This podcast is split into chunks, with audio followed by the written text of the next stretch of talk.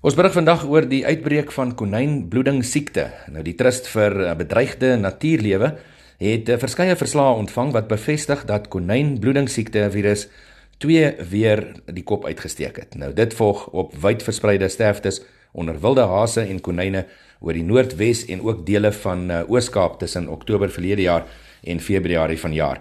Na aanvanklike verslae verlede jaar uit die Sutherland Middelpos gebied In die Noord-Kaap het die siekte vinnig reg deur die Kaap versprei en die mees onlangse verslae dui ook daarop dat die siekte aktief in die Nysna gebied in die Wes-Kaap en ook in die Lang Kloof area in die Oos-Kaap is.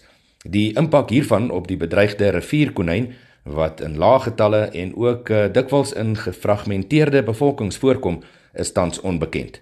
Produsente wat rivierkonyne op hulle plase het, word gevra om uh, oevergebiede noukeurig ook te monitor en enige rivierkonynsterftes onmiddellik uh, aan te meld. Al hierdie nuus kom natuurlik van die Wild Life of Wildlife eerder Ranching South Africa.